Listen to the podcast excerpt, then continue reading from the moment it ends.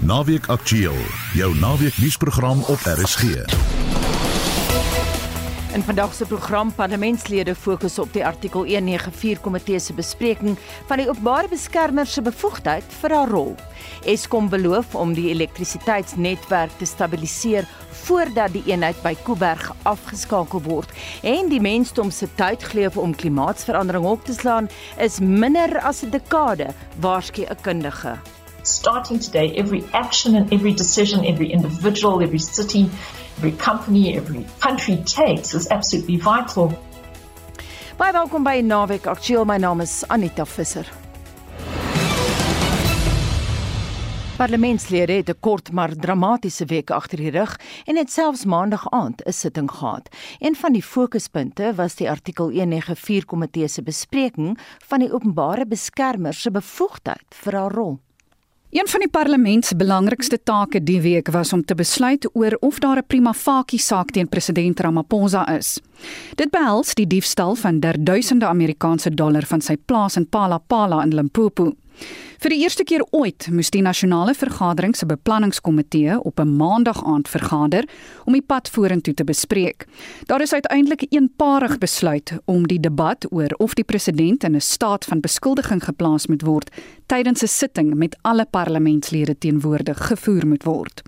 Hier is die spreker van die nasionale vergadering, Nosisiwe Mapisa-Nkakula. We all agree to the 13th. I don't hear a dissenting voice. That we agree on the, to the 13th and that from now onwards uh, your office will start organizing or arranging for a venue where we will all be physical. That's number 2 the third issue is that this will be a manual roll call. Zambia se openbare beskermer Caroline Sekoni Zulu sou die artikel 194 komiteelede vroeër die dag toegespreek het, maar dit is uitgestel weens haar verpligting om eers die regering van haar eie land in te lig oor deelname aan 'n debat in die Suid-Afrikaanse parlement. The approval is required whenever a government official has to travel out of the country.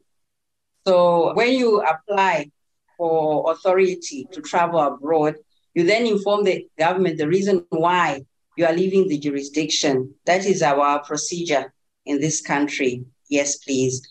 So when it was suggested to me that I testify virtually, I was still advised by my officials um, at the office that even if I'm not applying for leave to travel abroad, I would still have to inform the government that I'm going to address the South African Parliament prior to carrying out this assignment. So it's not an issue of permissions, but it's a courtesy I think to my government to let them know that this is what is going on. Intussen het die parlement die grondwetlike hof gevra vir nog 'n uitstel van die finalisering van die aangepaste kieswet. Dit volg na 'n beslissing deur die eindste hof dat onafhanklike kandidaate die kans moet kry om deel te neem aan provinsiale en nasionale verkiesings. Die aanvanklike sperdatum vir die finalisering van die wet sou vandag gewees het. Parlementslede glo die uitstel vir die finalisering van die wet is nodig om die publiek ook 'n kans te gee om insette hieroor te lewer. Kasak se hoofsekretaris, Losen Naidu, sê die aansoek vir nog 'n uitstel spreek boekdele oor die parlement se onvermoë om die saak te hanteer. Parliament has run this process very haphazardly. There hasn't been a proper public consultation process up until now. And even now, on the basis of this latest a second extension of the deadline to the end of February 2023, given the December holidays, uh, how adequate that time is going to be for proper public participation on some key changes that the National Council of Provinces has made to the draft electoral amendment bill. Die nasionale vergadering het ook die name van genomineerde SAIK raadslede aan die president gestuur vir goedkeuring aldus die kommunikasiekomitee se voorsitter Boys Maneli. The following names taking into account skills, expertise, experience, need for continuity and change, gender balance and other demographics be considered for appointment in the SAPC board in line with section 13 of the Broadcasting Act Act 4 of 1999. 1. Dr. Rene Horn, Advocate Tsediso Tipanyane, Mr. Katutselo Ramukuma, Prof. Franz Kruger, Ms. Nomviso Baji, Ms. Patisoma Kopeni, Ms. Afael Makwanya, Ms. Magdalene Munsami, Ms. Riabetso Mutaung, Mr. David Maimela, Mr. Dinkwanyana Mohuba, Mr. Mpo Tsedu. Dit dan die kommunikasiekomitee se voorsitter, Boyce Manelli, wat daardie verslag deur Joseph Mosia in die parlement beëindig. Ek is Veronique van Heiningen vir SAK nuus. Eskom het die afskakeling van eenheid 1 van die Kuiberg kernkragstasie in Kaapstad vir brandstofvervulling tot vandag uitgestel. Dit beteken dat nog 920 megawatt krag uit die netwerk onttrek sal word. Eskom beloof egter hy sal Suid-Afrika se elektrisiteitsnetwerk stabiliseer voordat die eenheid by Kuiberg afgeskakel word. En ons praat nou hieroor met Corneel Skabort, 'n dosent aan die skool vir chemiese en mineraalingenieurswese aan Noordwes Universiteit. Goeiemiddag. Middag Anita. Sê vir my Corneels, is daar geen ander opsies as om die eenheid by Kuiberg af te skakel nie?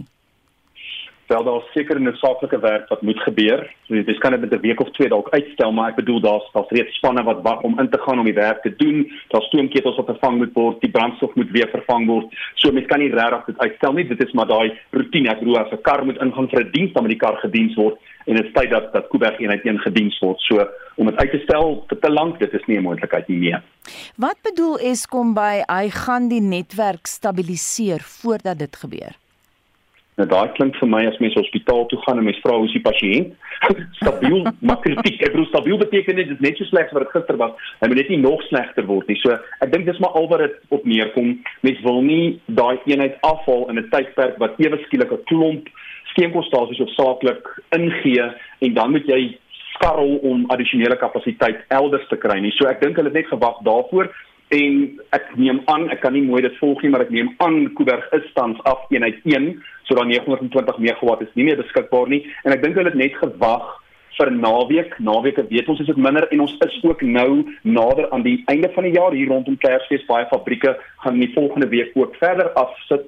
So dit beteken die las vanuit industrie gaan afneem. So dit is dalk 'n veiliger tyd maar ons moet weet ons kom Januarie terug Anita en dan gaan daai fabrieke weer moet aansit. Hulle gaan weer moet produseer en dan gaan daar baie beslis weer druk wees op die netwerk. Ek wil nou juist vir jou vra, hoe lank sal die instandhouding neem om te doen? So as ons kyk, ehm um, eenheid 2 was reeds uitgewees en dit was so 5, 6 maande, is eintlik langer as wat hulle gesê het en dit is my bietjie uh, kommerwekkend die feit dat hulle het 'n belofte gemaak. Ek bedoel jy vroeër ook gesê die woord belofte. As ek kom by Eskom met mens nie die woord belofte gebruik nie. So ek ek vermoed hulle beplan, dis beplan vir 5 tot 6 maande as dit langer as dit is, gaan ons definitief dit voel, dit gaan erg wees want dit beteken 5, 6 maande van nou vat ons tot in die hartjie van die winter. Dis dan wanneer ons juis hoër krag verbruik het om op die einde van die dag ons huise warm te maak en dis meer. So 5, 6 maande, dis 'n goeie scenario, maar as dit nie goed gaan nie en daar's dinge wat skeefloop, dit kan 7, 8 maande neem, maar tyd sal leer. Cornels, eh, die minister van energie het ook nou nuwe privaat projekte onderteken. Wil jy iets daaroor sê? Ja, so daar's 'n paar van hierdie projekte wat nou onderteken is. Is goeie nuus. Kom ons begin net met dit. Wat wel hartseer is, is dat die oorsaaklik hierdie projekte is almal sonprojekte. Daar's nie windprojekte nie. En toe jy kyk, toe kom dit daarop neer. Ons is in 'n interessante situasie nou en dit is bietjie 'n beplanningsprobleem wat ons het. So daar is beleggers wat ja sê vir hernubare krag. Hulle neem deel aan hierdie prosesse, maar nou moet jy weet Daai sonplaas in die Noord-Kaap, daai windplaas in die Oos-Kaap moet gekoppel word aan die sentrale netwerk, aan die nasionale netwerk.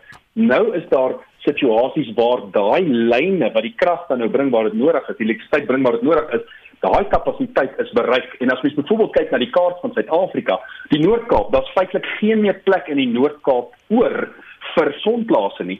Dit beteken tensy Eskom nuwe 750 kV lyne gaan installeer en dit vat uh, volgens prof Jan de Kok by die NWI sê hy suits kan enigiets van 8 na 12 jaar neem. Hmm. Beteken dit daai ideale plek waar ons sonkrag kan kry is nie beskikbaar nie en dieselfde geld vir die Oos-Kaap dat daardie kapasiteit is besig om bereik te word. Dit forceer ons dan om ander plekke te gebruik waar die son nie so effektief skyn nie en waar die wind nie so effektief waai nie. So dit is bietjie kommerwekkend. Ons moet definitief daaraan aandag skenk en dis Eskom. Eskom is in beheer van transmissie en dis hulle wat daai kapasiteit op die transmissienetwerk daar moet stel. So dis nie dat die beleggers is nie. Dis nie dat al die mense is wat wil hierdie elektrisiteit opwek nie. Ons sit net met hierdie beperking as dit kom by die transmissie. Baie dankie en so sê Corneel Skabort, hy's 'n dosent aan die skool vir chemiese en mineraalingenieurswese aan Noordwes Universiteit. Naweek Aktueel se susterprogram Monitor het vroeër die week 'n onderhoud uitgesaai met een Cameron van Action Society waarin hy onder meer kommer uitspreek oor die eindelose geweld op die Kaapse vlakte.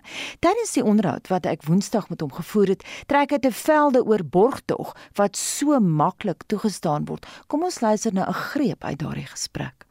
Die afgelope 2 weke is verskriklik. Mannenberg op die stadium is 'n totale no-go zone.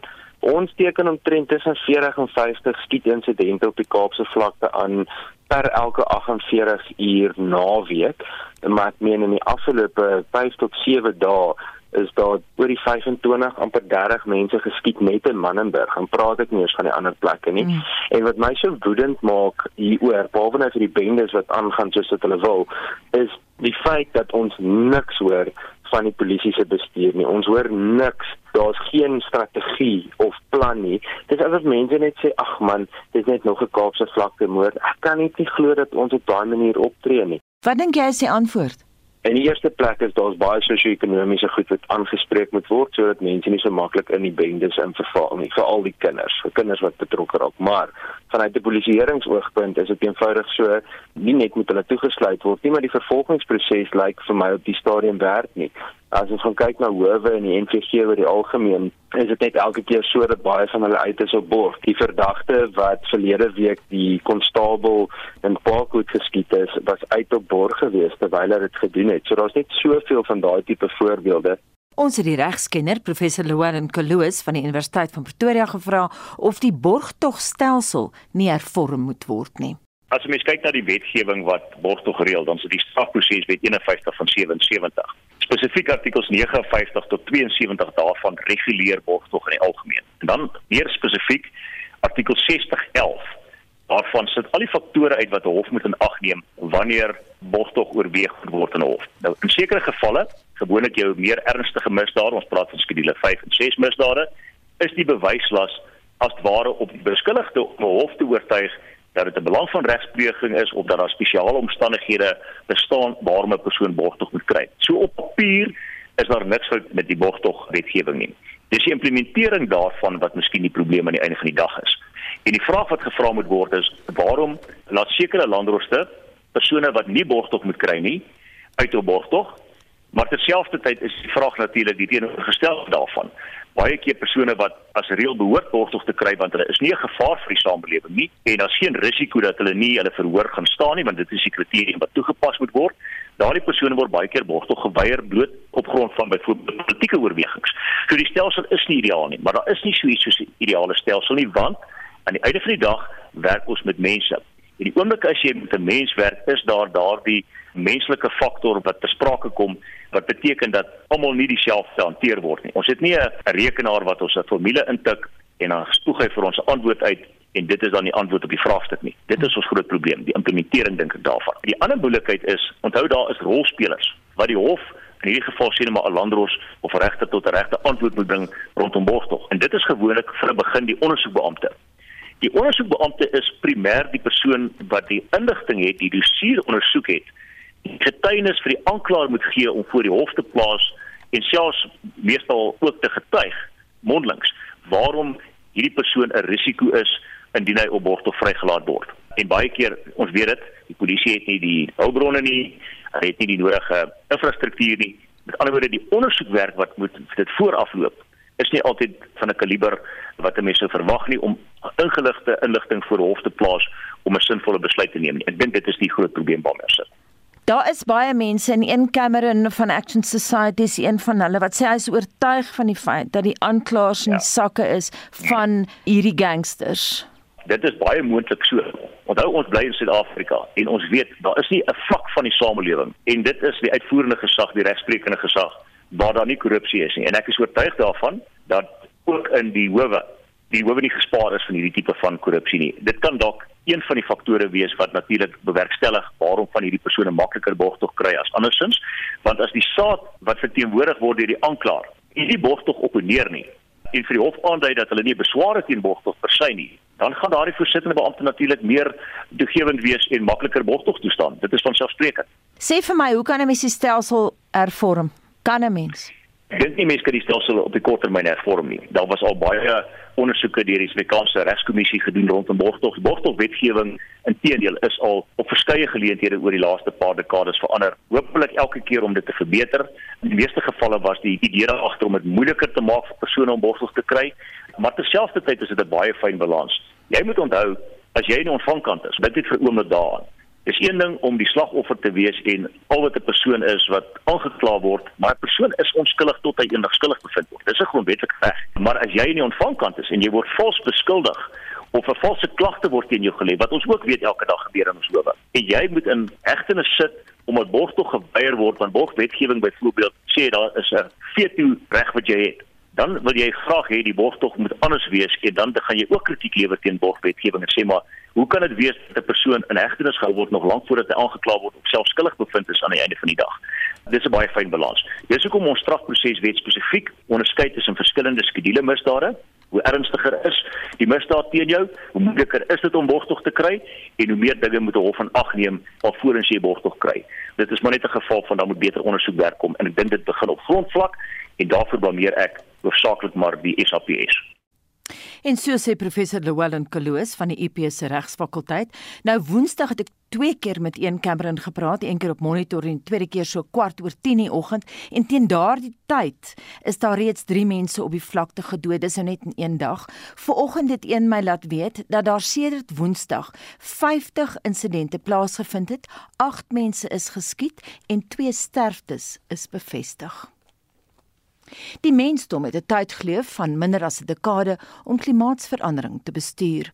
Dit was die kernboodskap van Dr Deborah Roberts by 'n simposium wat die week deur die Universiteit van KwaZulu-Natal aangebied is. Roberts is die mede-voorsitter van die VN se interregeringspaneel oor klimaatsverandering. Sy is ook die hoof van die eThekwini munisipaliteit se omgewingseenheid. Roberts waarsku egter dat die huidige aanpassings ver te kort skiet om 'n katastrofe te vermy. Dries Liebenberg het meer. Die internasionaal bekroonde Dr Deborah Roberts het aan jong wetenskaplikes van die Universiteit van KwaZulu-Natal gesê daar is geen sterretjies op die mensdom se skoolrapport nie. Roberts sê daar word nie genoeg gedoen om klimaatweerstandige ontwikkeling te bevorder nie. So this really underscores the urgency that's embedded deep in the DNA of the Working Group 2 report is that we need urgent action. Starting today, every action and every decision, every individual, every city, every company, every country takes is absolutely vital because that determines the path either towards climate resilient development or away from it. Roberts sê die VN werkgroep se jongste verslag toon dat dit selfs met die huidige vlak van 1,1 grade Celsius aardverwarming moeilik genoeg gaan wees om by klimaatsverandering aan te pas. As aardverwarming 1,5 grade bereik, gaan geleenthede vir aanpassing meer beperk wees. En teen 2 grade kan dit onmoontlik word. Roberts het praktiese voorbeelde genoem. And above 1.5 degrees Celsius, some natural solutions may no longer work. So there is no silver bullet because some of the ecosystems we're relying on, they themselves may be impacted by climate change. Above 1.5 degrees, the lack of fresh water could mean that people living on small islands or those who are dependent on glaciers and snowmelt simply may no longer be able to adapt. But the time we reach 2 degrees, be challenging to farm multiple stable crops in many current growing areas, particularly the tropical areas, which are most vulnerable to climate change. Robert het gewaarsku skade en verliese wat aangerig word deur mensgedrewe klimaatsverandering is reeds onvermybaar. Sy sê navorsing het getoon dat die voorkoms van die verwoestende vloede wat Durban in April en Mei getref het, twee keer meer waarskynlik was weens klimaatsverandering. Die stad het 8 maande na die vloede steeds nie heeltemal herstel nie.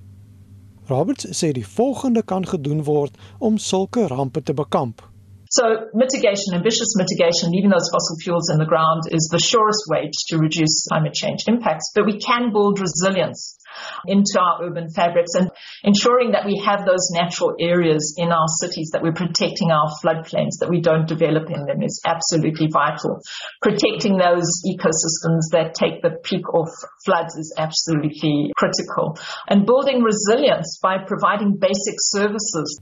Roberts het 'n paar ander geleenthede vir aanpassingsmaatreëls uitgelig. Sy sê dit sluit in slimmer waterverbruik om enige bouwerk in vloedvlaktes te verbied, sowel as stedelike landbou en agribosbou. The report also calls out that nature offers us significant untapped potential, not only to deal with the impacts of climate change, but to deal with the causes and also the opportunity to support lives and livelihoods. So agroforestry is a climate resilient way of not only producing food crops, but also providing wildlife habitat. And here you can see a Nigerian farmer who's producing rubber trees, but also fruit trees and food crops and keeping bees as part of a diversified livelihood strategy. Roberts het in slotte gewaarsku dat as aardverwarming die 1,5 grade teiken teen 2030 oorskry, gaan die wêreld 'n baie moeiliker en duurder plek wees om in te bestaan.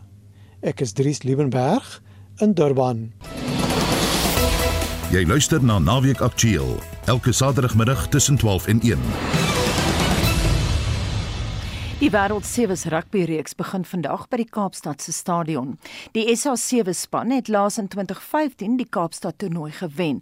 Gaan hulle dit die naweek maak of nie? Ons praat met Johan Tormalen. Goeiemiddag Johan. Ja, goeiemiddag Anita. Goed en goed en daar die Blitsbokke is steeds op koers by die Kaapstad sewe.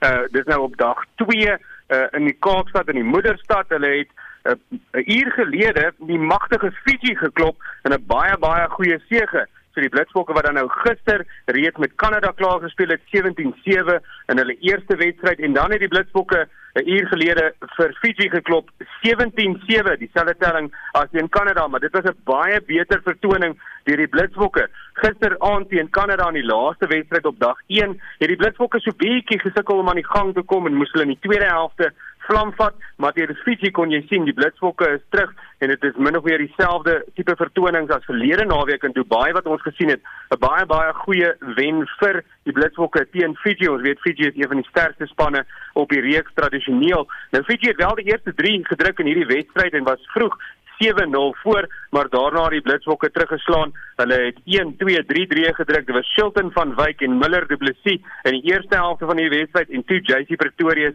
in die tweede helfte. En ek moet melding maak van die Blitsbokke se goeie verdediging. Ons weet wanneer die bokke goed verdedig, Blitsbokke eerder goed verdedig, dan gaan dit gewoonlik goed met hulle. Suid-Afrika se sewe span se verdediging, die is rotsvas en dit uh, sal beslis 'n groot hoeksteen wees in die Kaapstad sewe toernooi. So die Blitsbokke wat dan nou reeds gister vir Kanada geklop het as ook vir Fiji en hulle speel later vanmiddag hulle derde groepwedstryd in groep A. Dit sal wees teen Frankryk en daardie wedstryd is om 5:00 vanmiddag. En indien hulle hom kan wen, hulle is dan op hierdie stadium bo in groep A. As hulle hom kan wen teen Frankryk, dan sal hulle deurgaan na die kwart eindronde toe. Daar was wel 'n opskudding of twee vandag. Eh, kom ons begin by gister se groot een was natuurlik Nieu-Seeland wat vir wat verloor het teen Spanje. Hulle het 14-10 verloor in groep C en dan vanoggend was daar ook so 'n wedstryd. Dit was Uruguay wat vir Ierland geklop het en dit was 'n groep B wedstryd. Uruguay wat gewen het 22-19 wat Uruguay die Ire geklop het. Ander wedstryde ander wedstryde vandag op dag 2 in Kaapstad was uh, Amerika wat Groot-Brittanje gewen het 36-5 en dan Nieu-Seeland het ook teruggekom nadat hulle gister teen Spanje verloor het. Hulle het vir Kenia geklop 31-5. Dan Suid-Afrika se vroue span, die speel ook as 'n uitnodigingsspan in Kaapstad. Ons weet hulle is nie heeltemal op die vlak van die groot honde nie. Hulle het gister verloor teen Ierland 24-0 en teen Australië 52-0 en die uh, grootste kans vir Suid-Afrika se vroue wat nie in die hoofloting altyd speel nie om te wen is teen Spanje. Hulle speel vanmiddag om 25 oor 1 speel hulle teen Spanje en ons hoop Suid-Afrika se vroue span kan dan in groep A opstaan en daardie wedstryd wen. Maar ek sal later vanmiddag tydens die sportprogram weer met die luisteraars gesels en hulle op hoogte hou van alles regstreeks vanaf die Kaapstad stadion. Maar daardie is dit terug na die ateljee in Johannesburg.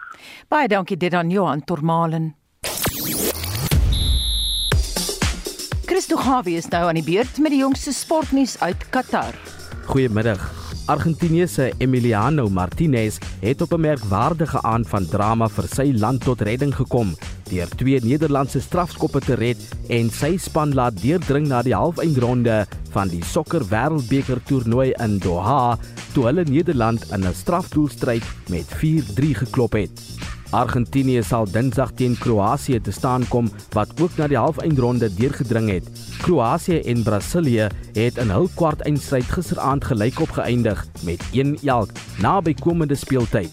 Kroasie het die strafdoelstryd met 4-2 gewen en Brasilië wat die gunsteling was vir vanjaar se toernooi, huis toe gestuur. Marokko sal die eerste Afrika span wil word wat vir die halfeindstryd van 'n wêreldbeker toernooi kwalifiseer. Inderdaad, elk van die vorige 3 Afrika spanne wat 'n kwartfinalestryd gehaal het, is almal in hierdie stadium uitgeskakel. Kameroen in 1990, Senegal in 2002 en Ghana in 2010. Marokko en Portugal pak mekaar om 5 namiddag vandag terwyl Engeland en Frankryk die verdedigende kampioen om 9 uur vanaand in die laaste kwart eindstryd te staan kom. En dit was Christo Gawie met die jongste sportnuus. Intussen het Lali Stander vir ons die jongste oor die Alfred Daniel Golf Kampioenskap op Leopard Creek naby Malelaan in Mpumalanga. Lali. Goeiemôre. Ja, die Scott Scott Jameson, dis 'n trente tonknoper het uh, sy naam gister in die annale, die baanrekord annale van Leopard Creek baan geskryf. Hy het 'n 63 aangeteken en dit kon waaragtig 'n 62 gewees het as hy nie op die syfer by 18de tydjie 'n voeltjie sethou gemis het nie. Nietemin dit gebeur nie sommer dat iemand op 'n uitdagende uitleg soos die Kreer Wildtuinbaan daar langs die Kreerwiltuin 'n 63 aanteken nie. Hy het op 'n dag van lae rondes gister 'n voorsprong van 3 houe teen die halfpad merk van die kampioenskap bewerkstellig. Vanoggend het uh, hy moet natuurlik nog vanmiddag afslaan en saam met hom ook dan uh, ook die strydom. Die is die uh, hoogste Suid-Afrikaner so, um, op hierdie stadium saam met um, MJ Dafoe. So laat ek gou vir julle sê, ehm uh, die die skotte daar klaar gemaak op 12 onder gister. Uh, eh, 13 onder gister en vanoggend het ook die stryd om en MJ daarvoor begin om hom in te haal. MJ wat al sy golf in Amerika speel en nou hierdie jaar hier in Suid-Afrika speel, het 'n 66 aangeteken gister om op te skuif en hy's reeds 3 houe onder baansyfer na 6 bytjies vandag. Strydom wat 'n 70 en 'n uh, 68 en 'n 70 gehad het, is 6 onderbaan syfer vir die dag. Hy het nou net so pas die 10de bytjie gespeel. Hy het met 'n arend begin daar by die tweede drie voetjies ingeryg op 4, 5 en 6 en nog eenetjie aangeteken om die eerste nege bytjies in 29 houe te speel. Van die ander Suid-Afrikaners wat ons kan dophou vandag is Oliver Becker reeds op 11 onder Dean Burmester ook op 1100 en dan Dylan Fratelli en Dylan Moster, die twee Dylans op 10 onderbaansyfer. Ek gee vir julle 'n verdere verslag so oor 'n uur. Lali Stander vir RSG Sport. Naweek aktueel het sommer baie lekker terugvoer gekry oor die eerste deel van 'n onderhoud wat ek pas na haar 88ste verjaarsdag met haar gevoer het. Ons praat vandag oor Min Shaw. Nou hier kom die tweede deel. Hoe was dit om met El Debo te speel? Hoe was hy? Snaaks. ja, hy was ouliefie, baie professioneel. Hy kon die mense altyd so laat lag. Ag, tog hy. Oh, hy was briljant. Hy was maar een van sy soort. Ek sien nou vanoggend ons inkom in die ateljee en my kollegas lewer almal kommentaar op die feit. Ooh, kyk, daar's Gey. Daar's sy saam met Gey want Min het nou 'n boekie ingebring oor haar loopbaan en haar lewe. En uh, Gey en jy, hoe het julle saam gespeel? Dit was ook 'n baie lekker liedjie wat julle gesing het saam. Mm, dit was baie mooi. Ja, het was met die heide op. En dis reg. Die heide lied. Ja, die heide lied. Mm. Jy moet onthou daai jare, toe was die heide, die blomme alles plat pad. En dit ek nou na 25, 30 jaar het ek weer sin toe gaan. Dit is eislike bome nou. En om te dink ek het daar opgehardloop. Hmm. En, en dis al wat ek eintlik vir my gehoor kon sê as ek gaan sing het. Dan het hulle gesê, "Man, dit was seker lekker om daar by die heuwels op te hardloop en daar wag hou gey met sy oop arms." Want ewe onskuldig het ek gesê, "Ja, dit was baie lekker." ek het saam met hy gewerk, baie professioneel en ek probeer om dit so te hou dwarsdeur. Want mens moenie involved raak met jou spelers saam met wie jy speel nie. Dis bad. Hoor julle ouens, jy raak nie familier met mense saam met wie jy werk nie. Keep it professional. Die fun and games kom later. Hmm. Deel van jou filosofie, jy het nog 'n filosofiese antwoord gehad in 'n onderhoud met die SAIK jare gelede wat my so klink. Dit sê iets van jou persoonlikheid. Kom ons luister daarna. Vir my is dit asof ek kan nie opgaan nie. Ek het nog nooit gevoel dat dinge vir my afgaan nie. Nog nooit daai vrees gehad nie, want ek is nog maar altyd besig. En dit is nog altyd vir jou lekker gewees om as Minsho almal se liefling te wees. Wel, ek weet nou nie daai ding van almal se liefling. Jy weet lieflings kom en lieflings gaan. Soos jy dit tog maar goed weet. Maar ek is min en daar kan tog maar net een Minsho wees. Daar kan net een Minsho wees. Wat dink jy daarvan? Dis byk. Ek weet nie waar jy dit uitgehaal het nie en ek kan skaars glo dat ek dit gesê het. Mm, jy het dit gesê in 1980 na 'n einste onderhoud met Koos van der Merwe, baie breedvoerige onderhoud wat hy met jou gevoer het. Ek is min sure, maar jy is tog ook filosofies. Jy sê lieflinge kom en gaan. Jy weet dit self goed sê jy dan aan Koos van der Merwe. So jy's filosofies oor die feit jy gaan soms kritiek kry. Hoe het jy media kritiek en koerant kritiek hanteer? Dit wat jy wel gekry het want oorhoofs was jy baie gewild. Dankie, ek prys die Here daarvoor want dis die Here wat 'n plan in my lewe gehad het om later vir die mense van sy liefde te vertel. Ek het nie geweet dat die Here dit beplan het in my lewe toe ek 'n klein dogtertjie was nie. Maar wanneer ek nou so kom nou kom van die Kaap af, o, oh, dan is dit nou blommetjies en dis allerlei goed wat die mense die geskenke wat die mense vir my gegee het. En dan maak ek die rand oop en dan het ek baie kere Dis ek skielik nuwe man in mens lewe. Dan ken ek nie eens die ou nie. So, ek is nie eens op Facebook nie. Ek weet nie eens hoe dit lyk nie. En nou die dag lees ek iets wat iemand geskryf het wat ek glo gesê het. Ek weet niks daarvan af nie. Mm. So jy vat dit maar net met 'n pinch of salt. God het 'n doel. Jy onthou net, you just remember, the older you get, the more you become a lady and en jy moet meer deernis hê and lots of love because a little bit of love goes a long long way klink soos 'n liedjie. Maar jy, jy moet dit maar hanteer. Dit help nie om om te gaan sit en huil en sê maar dit is nie waar nie. Toe maar die Here sê die geringste wat kwaad wat jy aan my geliefdes doen doen jy aan my. So ek bid baie keer en dan sê ek Here net nie te kwaai met daai mense wees nie. Ek bly nog lief vir hulle. En dis 'n waarheid Gepraat van die mense, erken mense jou op straat? Mm, -hmm, ons het al ons al 'n groot family geword. maar as jy nou byvoorbeeld nou vandag in 'n winkelsentrum instap, weet mense wie jy is? Ek weet nie, want die ou soek maar net wat kos die minste. Alles het opgegaan. Behalwe die baks wat ons kry aan die einde van die maand. Dis al. Ek wil terugkom. Daar's ook so synig. ek ek wil terugkom na jou room toe. Dit klink of jy dit goed hanteer het want jy is al filosofies. You take it with a pinch of salt. Jy vat dit nie persoonlik nie en mense vertel soms leuns oor jou. Ja, ag nee, dis niks. Hulle sal die gevolge dra. Jy dra die gevolg van elke woord wat uit jou mond uitkom. Daarom vra jy van die Here as jy bid, laat die woorde van my mond en die oordeenking van my hart altyd behaaglik wees voor U, Heer, en so moet dit bly. Min Ja. Wat sou jy anders gedoen het as jy jou lewe van voor af kon begin? Van voor af. Mm, gestel jy moes jou lewe nou oh, môre van voor af begin. Wat sou jy anders gedoen het? Net nie so baie boyfriends nie. Ai, ek weet nie hoe ek so involved geraak het nie. Die feit dat ek 'n hele dat ek 'n paar keer getroud was, is dieselfde ding wat ek nou vir die mense probeer leer, maar nou is dit al toelaatbaar sê maar jy het nou nie jy het nie 'n affair met 'n ou nie. Jy is jy is diep betrokke by 'n lief, 'n liefdesverhouding en dan ek sommer met die ouens getrou. Daarom het dit nooit gewerk nie. Toe vra ek van die Here, Here laat asseblief stuur net vir my is tog hulle sê min tog net nie weer nie. Ek sê ja, ek kom vir die Here vra. Hy vir my iemand stuur wat liewer vir hom is as wat ek is. Hy sê that's impossible. En so het en toe kom ontmoet dit. Hy is nou nie meer hier nie. Het hy net vir my voorsien in alles. En jy praat nou van watter van jou mans? Ek sal nie jou sê nie. ek is nou ek is nou al 6 jaar, kan dit nie glo nie. Sy naam was Willie van Blerk van Sekunda en ons het saam 'n mooi besigheid opgebou. En wat het jy nou weer gevra? Nee, ek weet weer dit was die liefde van jou lewe. Dit dit was die liefde van my lewe. Ja, sy naam Willie van Blerk. Oh, what a man. Ek kan ook maar net sê is my sê. Maar dit is mos lekker om vir iemand lief te wees. En veral as jy iemand kan vertrou. Don't go and marry a guy if you can't trust him if he's running around with girls. Gooi hy ou weg. Gooi daai girl weg. Maak nie saak nie. Maak dalk jou hart 'n bietjie seer vir die oomblik. Maar daar's so daai ou klein daai klein wat siek wiekie.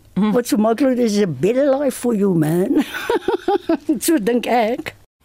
En so gesels die 88-jarige Min Shaw wat voor verlede week in die naweek aktueel ateljee kom kuier het.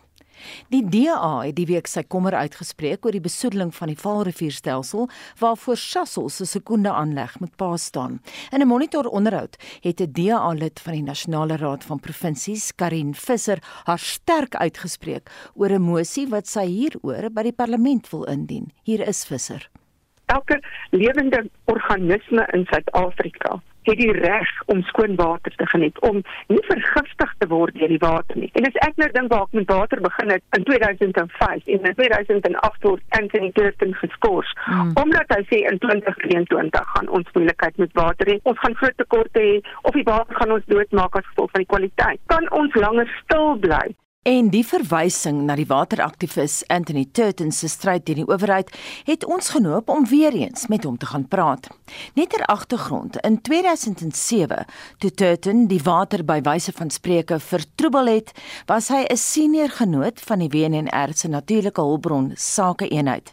Dit was 'n toespraak by 'n konferensie en latere voorlegging aan die parlement gebaseer op Turton se waarskuwings oor Suid-Afrika se besoedelde waterbronne wat die regerende party omgekrap het.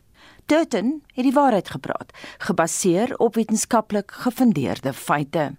The long and the short of it was that I basically made a clear statement that South Africa is running out of water. In fact, we ran out of water in 2002 and uh, we'd lost our dilution capacity. I presented a national water strategy that I had already been liaising with all kinds of role players, including big industry, Department of Water and Sanitation were fully on board at the time.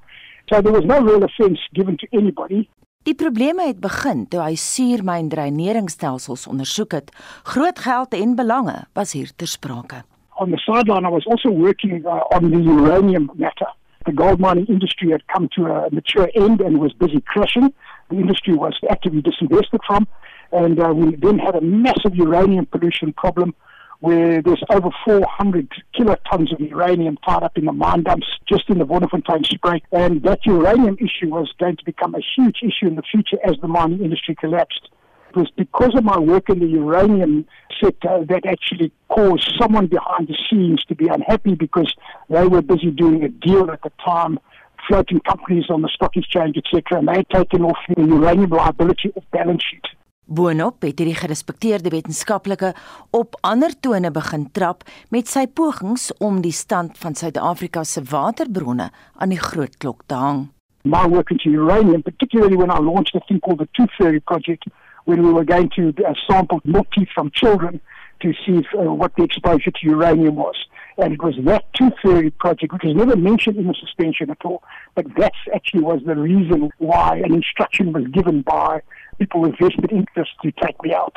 Anthony Turton se onwelkome soeklig het uiteindelik gelei tot sy skorsing uit die WNR waarna hy sy voormalige werkgewer hof toe gesleep het. Later het die partye buite die hof geskik alhoewel Turton in baie kringe persona non grata was. Maar wat dink hy vandag van die land se water? Over two-thirds of our large dams in South Africa are highly enriched with sewage and as a result of it they've gone into a state known as eutrophication And eutrophication is when you get this toxic blue-green algae that grows, that proliferates. And that is toxic. It's a highly potent neurotoxin. We are already in an advanced state of distress, and there's been this constant toing and froing from government to try and downplay the problem. But as a scientist, facts are our friends. I have no vested interest in any outcome. The fact of the matter is that two-thirds of our dams are now infested with blue-green algae, neurotoxins, and hepatotoxins. In other words, they attack the liver. Gevra of die regering dalk sy raad agter die skerms vra, was Tutten se antwoord. At the moment I will say that the current minister Senzo Mchunu has reached out to me He seems to be making a lot of noise to not to talk to me. So uh, I would say that there has definitely been a thawing in relationships between myself and and uh, as a member of the SA Business Water Chamber, our role is to work with government to try and assist as far as we can to avert this absolute catastrophic situation. Om sake te vererger, gaan die ekonomie die las dra van die ANC regering se onvermoë om Suid-Afrika se waterstelsels behoorlik te bestuur. We are now a fundamentally water constrained economy, and we are starting to see the human health implications of that playing out exactly as I predicted in 2007. And I'll say one more thing in 2007, when I was doing that work, I covered my back very, very diligently because I left a, a, complete paper trail for any auditor to ever go and look at. Part of that paper trail was a presentation to Parliament, which has been published. I've got it on my website. It's available to anyone that wants to read it. But that parliamentary briefing was done deliberately because we could then go back from an audit perspective and say that nobody could say they did not know because there was a parliamentary brief done in 2007 under an official CSIR report with an official report number, so it is logged in the records of the CSIR mm. and cannot be erased.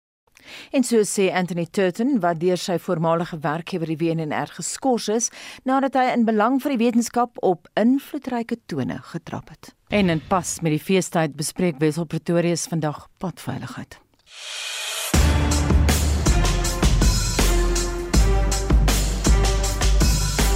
Baie Suid-Afrikaners maak gereed om te reis tydens die somervakansie en hoofroetes gaan baie besig en gevaarlik raak.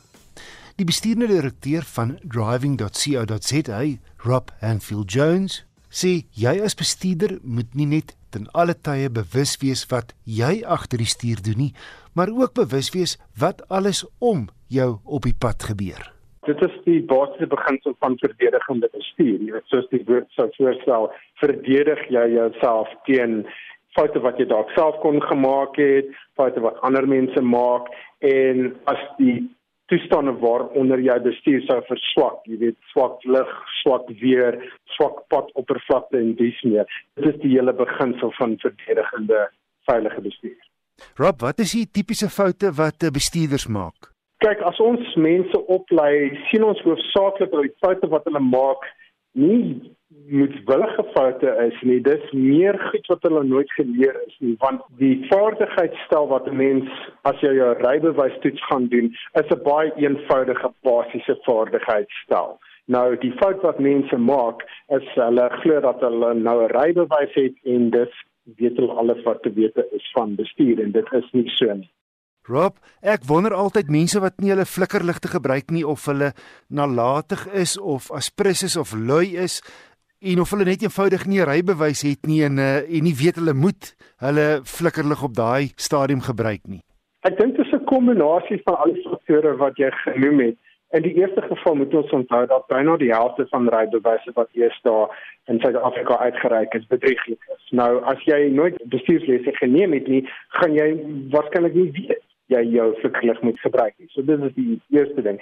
Die tweede ding is al die mense wat wel hulle rybewys op die regte manier bekom het, kan ek jou verseker het op daai dag wat hulle die toets geslaag het vir elke draai en baanverwisseling en wat alles nie, hulle flikkerlig gebruik. Maar dan begin hulle by sekere manoeuvres wonder of hulle die ding moet gebruik en dan begin hulle dit nie gebruik nie. Byvoorbeeld, as jy in die linkerbaan is en jy van 'n snelweg wil afgaan, is dit vir die hand lig dat jy nie jou flikkerlig hoef te gebruik in die geval waar daar net een baan is en hy verlaat die snelweg. Want ja. waar kan jy anders heen gaan? Jy weet dit en dan begin heelwat motoriste hulle flikkerlig in daai omstandighede nie gebruik nie maar hulle neem nie in ag dat die ou wat agter hulle is of wat in die bane langs van hulle is nie weet of dalk nie weet waar hulle heen gaan. So dit is hoekom dit altyd belangrik is om mense ten volle op hoogte gehou van presies wat jy alles binnekort gaan doen. Wat is jou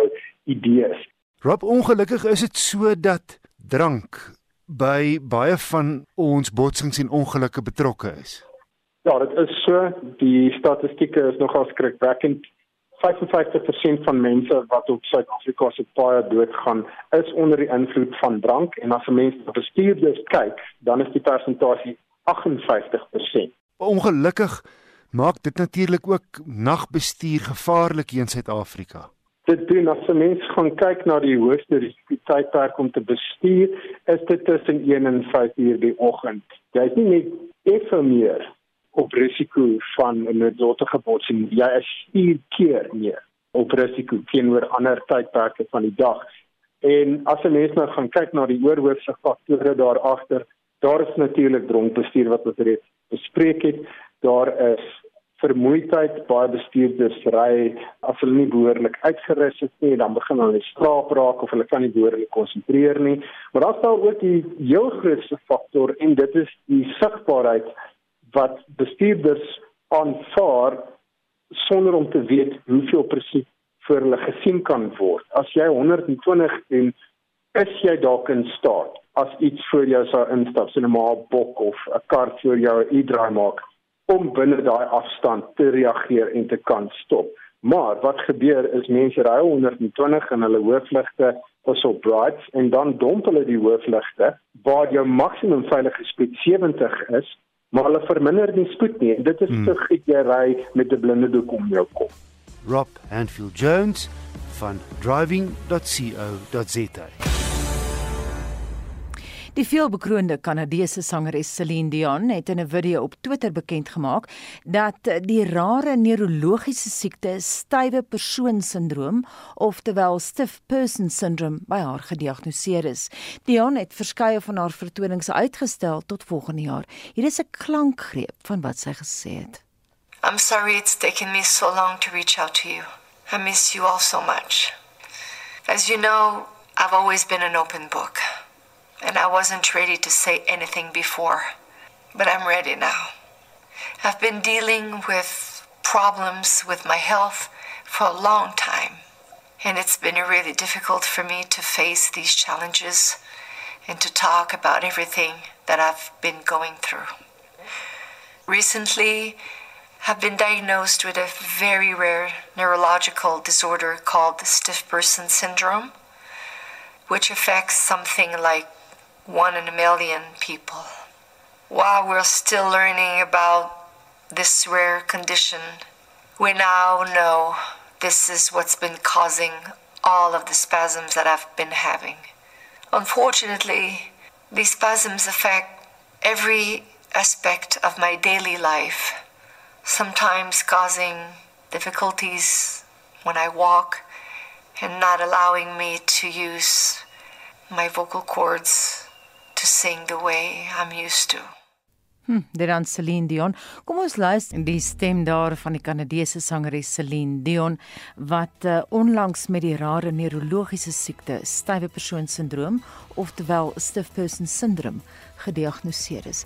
En daarmee groet die span namens ons uitvoerende regisseur Nicoline de Wee, die redakteur vandag Veronique van Heiningen, ons produksieregisseur Johan Pieterse en my naam is Anita Visser.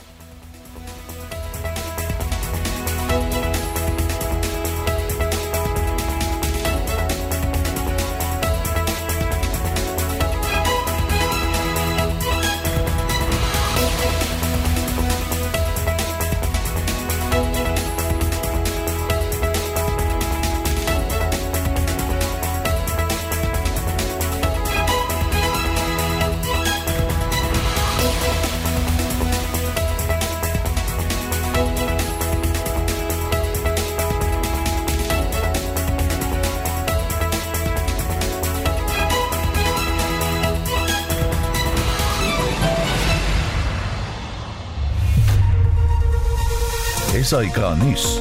Onafhanklik, onpartydig.